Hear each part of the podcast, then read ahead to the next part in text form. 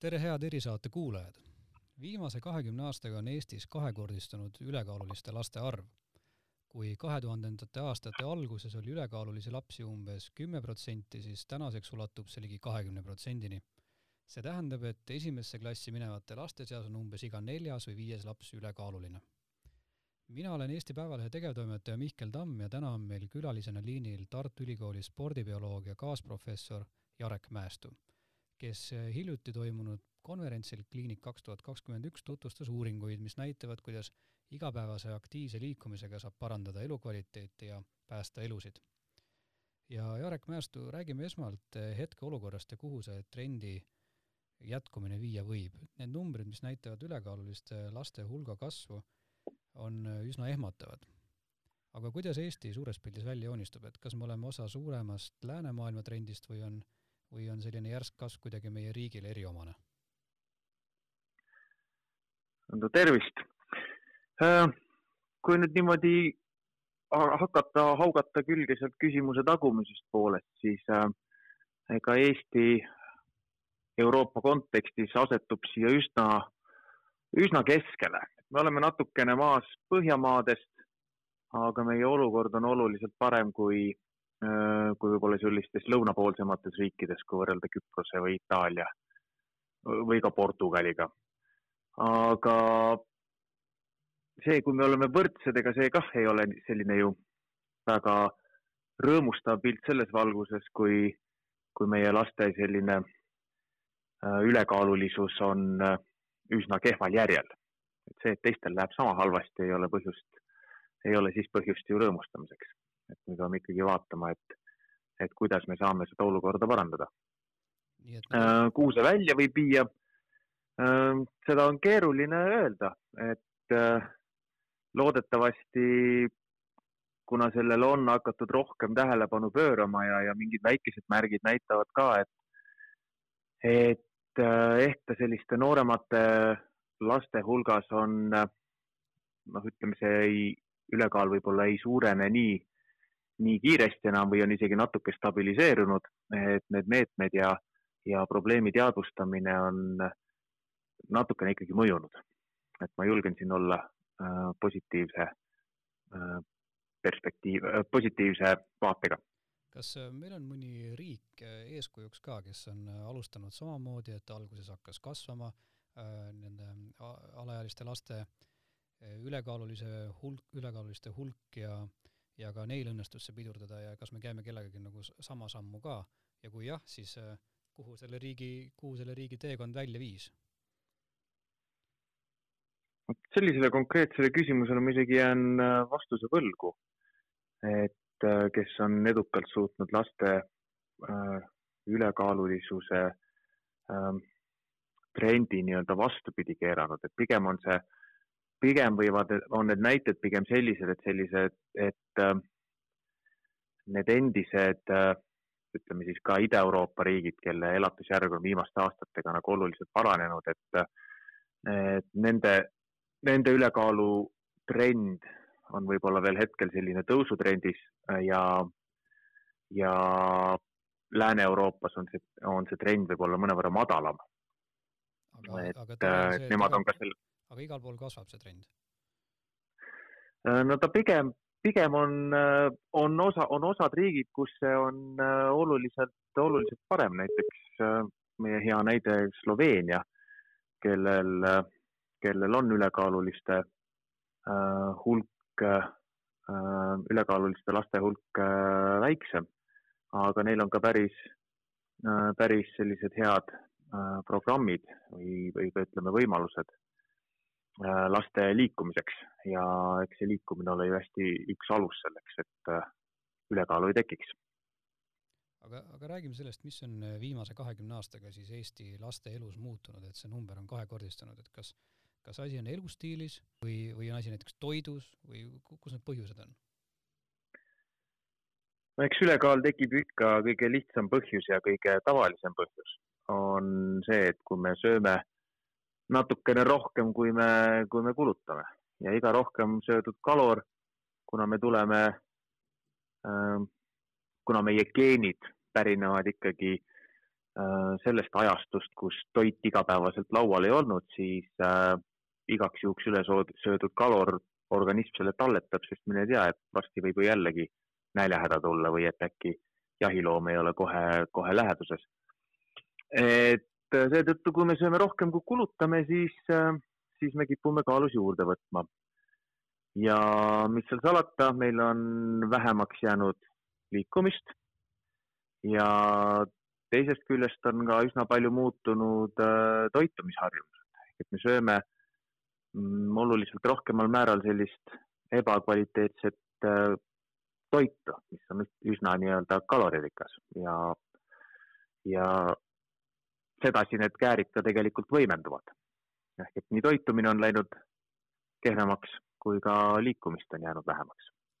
kas neid põhjuseid tegelikult, miks vähem liikuda, tundub aina juurde tulevat, et äh, viimase kümne aastaga me oleme näinud ju suurt äh, näiteks nutiseadmete lisandumise võidukäiku ja mul tegelikult on hea võimalus siin tsiteerida ka üht, äh, üht Tartu Ülikooli rahvatervishoiu õppekava lõputööd, mille on kirjutanud Aleksandra Ermola-, Ermolajeva ja kus ta tõi välja, et Eesti lastest veedab seitsekümmend protsenti istuvas asendis enam kui kuus tundi päevas ning et kaheksakümmend kolm protsenti lastest ületas soovituslikku ekraaniaega, ehk siis olid telefonis või nutiseadmes üle kahe tunni päevas.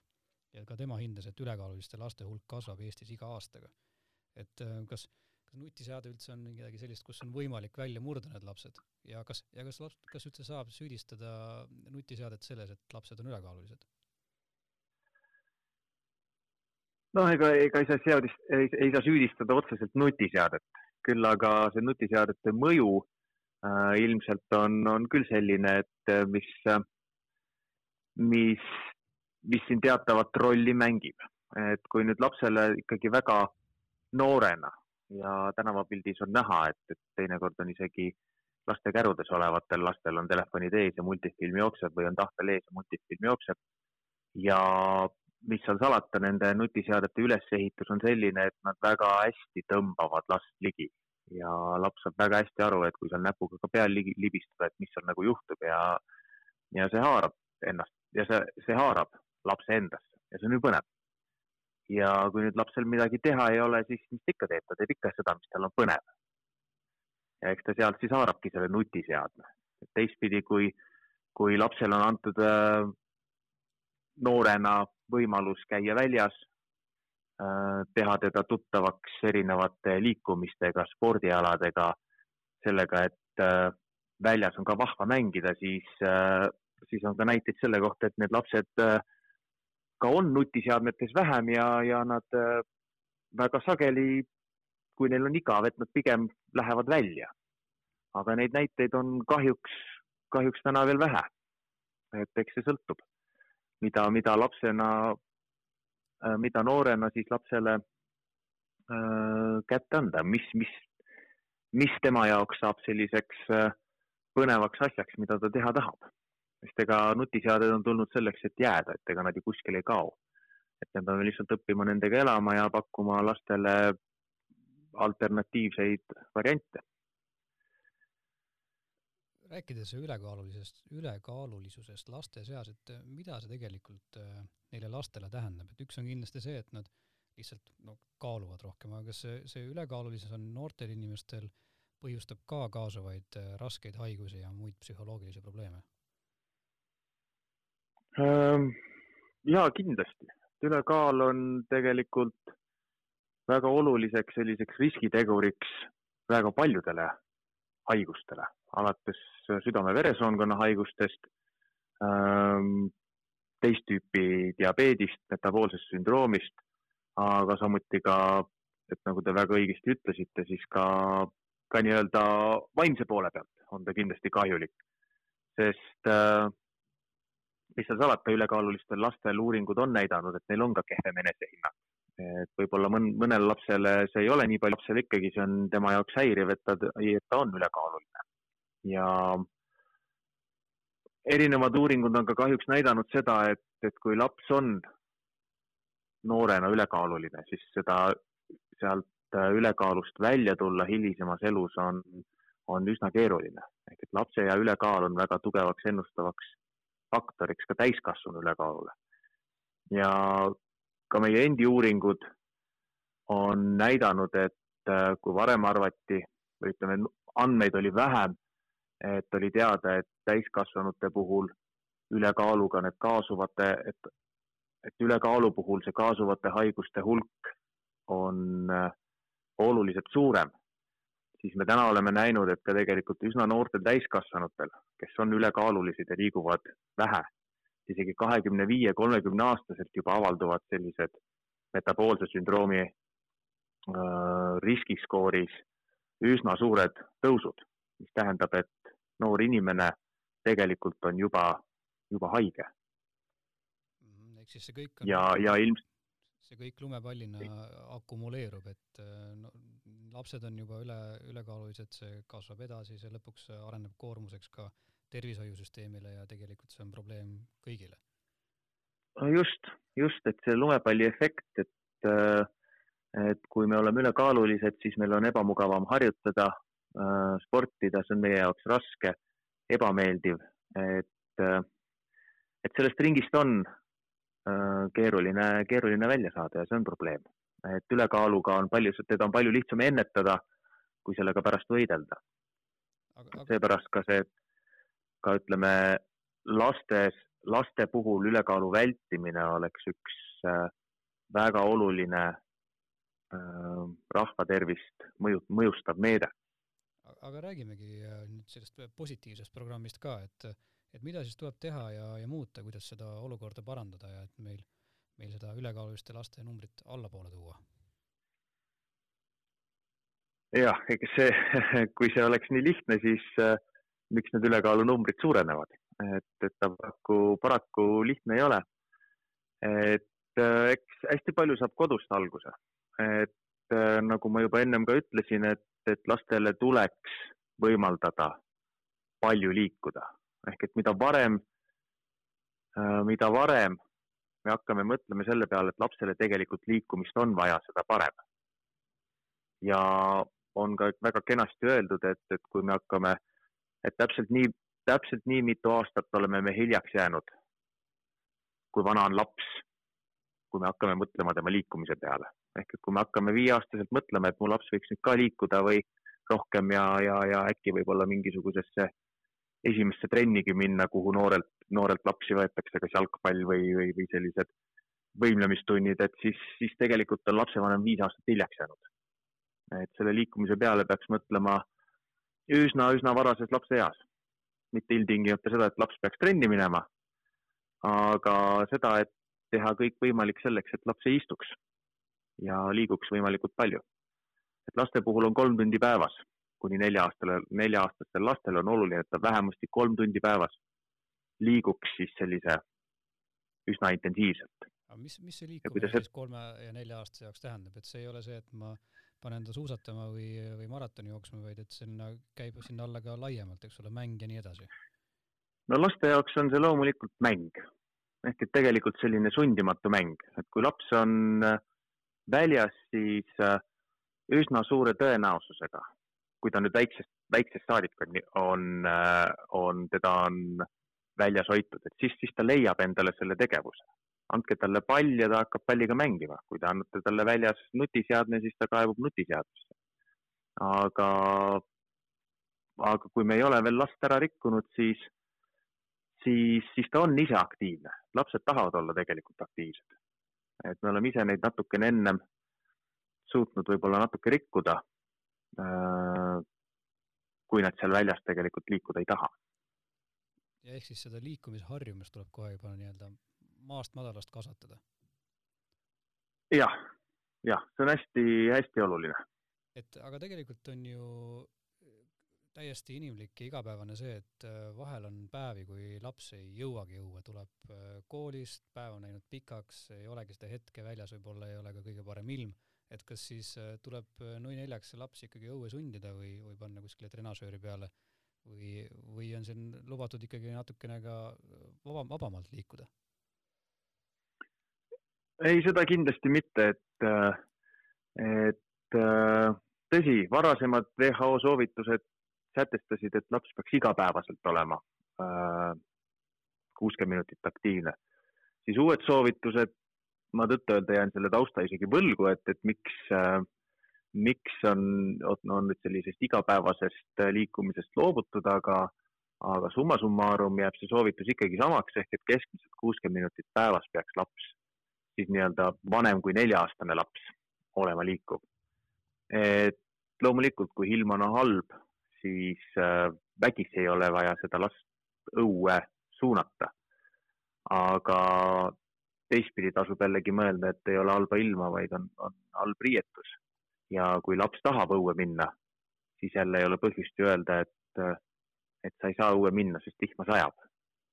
et siis, kui lapsel see soov on, siis ju võib, siis ta ju võib sinna õue minna, et ma tean väga paljusid lasteaedasid, kes on ka nii-öelda, on äh,, nimetavad ennast siis selliseks aktiivseks lasteaiaks, et kus tõesti lapsed käivad iga ilmaga õues ja, ja väga meeleldi käivad, et vahet ei ole, kas on äh, paduvihm või, või või ka siis suhteliselt, suhteliselt külm ilm.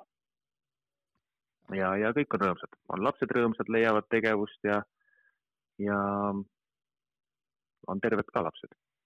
nüüd nende suuremate laste puhul, et kui, kui spetsiifiliselt ja kui teadlikult tuleb läheneda sellele liikumisele, mis nad teevad, et et kas seal on nagu kasulikum näiteks mingid pallimängud või jooksmised või, või kas seal üldse tuleb tähelepanu pöörata ka spetsiifikale?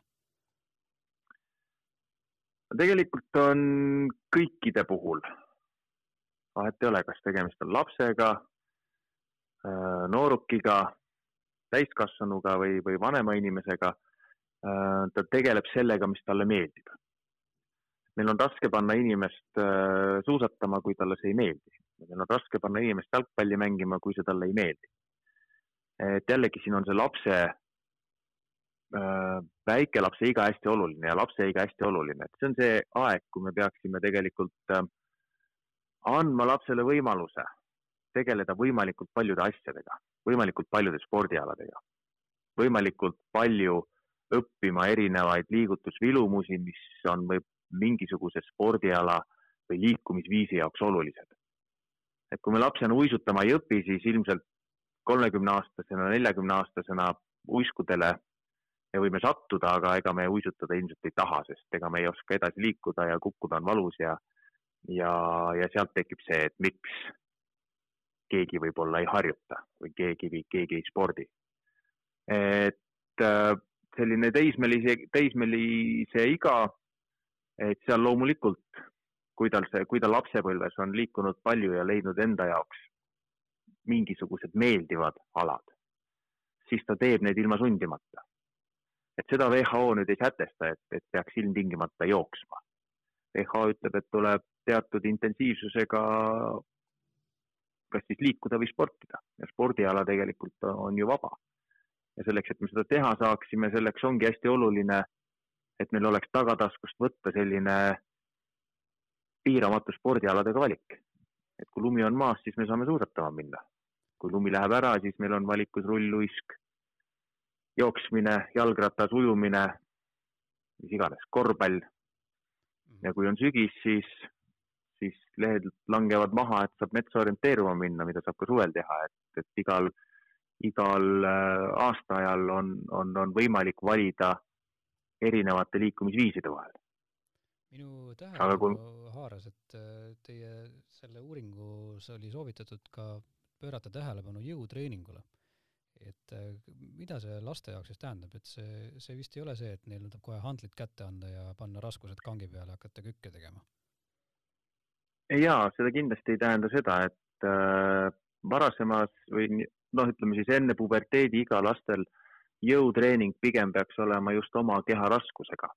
Et sellised kätekõverdused, kükid äh,, ka võib-olla mingid kergemad topispalli visked, veeretamised, püüdmised et tugevdada lihaskonda ja jõuharjutused on ka hästi olulised luude tervisele.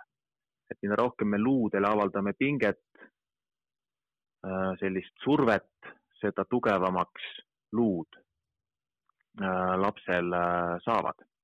ja tegelikult selline just kuni puberteedieani ja veel puberteediea jooksul on see luude juurdekasv lastele just hästi intensiivne ehk et see on üks sellise magusamaid perioode, kus, kus tegelikult äh, liikumisel, jooksmisel, hüppamisel, ka sellisel oma keha raskusega jõutreeningul on väga-väga suur ja kasulik mõju just lapse luu, luupoele. ja mida tugevamad luud on meil noorena, umbes kahekümne, kahekümne viie, viiendast eluaastast, vaikselt hakkavad luud meil äh, ju, nii, äh, luude juurdekasv meil peatub ja hilisemas elus siis hakkab äh,, mitte luude juurdekasv äh,, luude mineraalide sisalduse kasv peatub ja, ja mida vanemaks inimene läheb, seda rohkem siis tegelikult äh, luud hakkavad nõrgemaks minema. ja, ja sealt tekivad ka probleemid. ehk et ka see on üks jõutreening, pluss loomulikult äh, jõunäitajad, parem rüht, mida rohkem laps istub, seda vähem ta kasutab ka äh, süvalihaseid näiteks, lapse rüht läheb kehvemaks, et ka seetõttu on toodud just eriti need äh, jõuharjutused sellisele tähtsamale kohale. ma tahaksin veel teada, et kas, kas see, kui iga päev kuuskümmend minutit ennast liigutada ja arvestades äh, seda, et meil siin on seitsekümmend protsenti lastest enam kui kuus tundi istuvad ikkagi päevas, et kas sellest tunnist ajast päevas on piisav? jah, kui nüüd WHO normi vaadata, siis, siis näiliselt võiks öelda, et on piisav aga WHO, WHO ütleb äh, lisaks selle normile ka lisaks, et sellesama kuuekümne minuti juures, mis te olete päevas aktiivne äh,, tuleb kindlasti vähendada ka istumisele kuluvat aega. ehk et see ei ole kindlasti tervislik ja kui te teete oma kuuskümmend minutit äh, sporti ära ja siis ülejäänud kakskümmend kolm tundi päevas võite siis istuda ja magada, et siis kindlasti Äh, see väga tervislik ei ole, vaid istumisaega peaks vähendama nii palju kui võimalik ja püüda siis seda kerget liikumisaktiivsust, kõndi, äh, rattaga sõitu, aktiivset transporti võimalikult palju oma päevakavva sisse lülitada. sest tegelikult me oleme ka oma uuringutega näinud, et kus ülekaalulised lapsed üsna sageli on peaaegu tund päevas aktiivsed no seal umbes viiskümmend kuni kuuskümmend minutit. ja ma küll ei taha väga, ähm, ma küll ei julge väga veenvalt väita, et see kümme minutit on nüüd see, täpselt see piir, et kui laps on viiskümmend minutit aktiivne, et siis, et, äh, et see kümme minutit, mis tal puudu jääb, ongi see ülekaalu põhjus. pigem on, pigem on see põhjus selles, et, et, et see laps istub ülejäänud osa päevast väga palju ja tõenäoliselt selle istumise ajal ka midagi näkitseb süüa. ehk et lisaks sellele kuuekümne minutile on kindlasti oluline ka see, et püüdke istuda võimalikult vähe. ja no võibki kokkuvõtteks siis öelda, et tervis on, tervis ongi liikumises ja et seda tuleb siis maast madalast kasvatada. just selleks, et äh, äh, kuidas see ütlus oli selleks, et, et liikumine on nagu jalgrattasõit, et selleks, et äh, tasakaalus püsida, me peame liikuma. et see tsitaat pärineb Albert Einsteinilt. Saata päris ja, ja päris õige tsitaat. selge, suur aitäh teile, Jarek Mäestu, Tartu Ülikooli spordibioloogia kaasprofessor mm. -hmm. aitäh